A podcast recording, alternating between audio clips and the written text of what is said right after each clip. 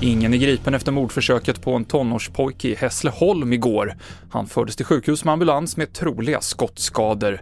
Polisen säger att man pratar med vittnen och går igenom övervakningsfilmer.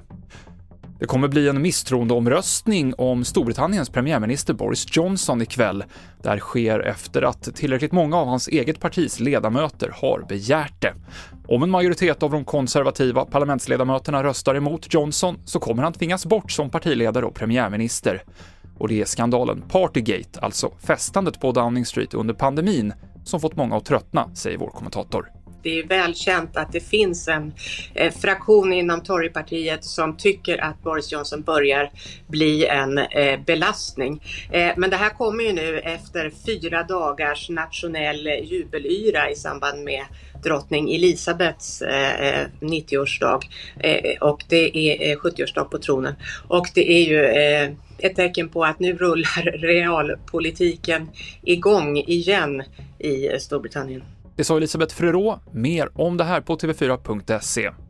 Och idag så är det första måndagen i den sista månaden i kvartalet, men Hesa Fredrik kommer inte att höras. Det här beror på att det är röd dag och tutandet skjuts då upp till måndagen efter istället. TV4-nyheterna med Mikael Klintevall.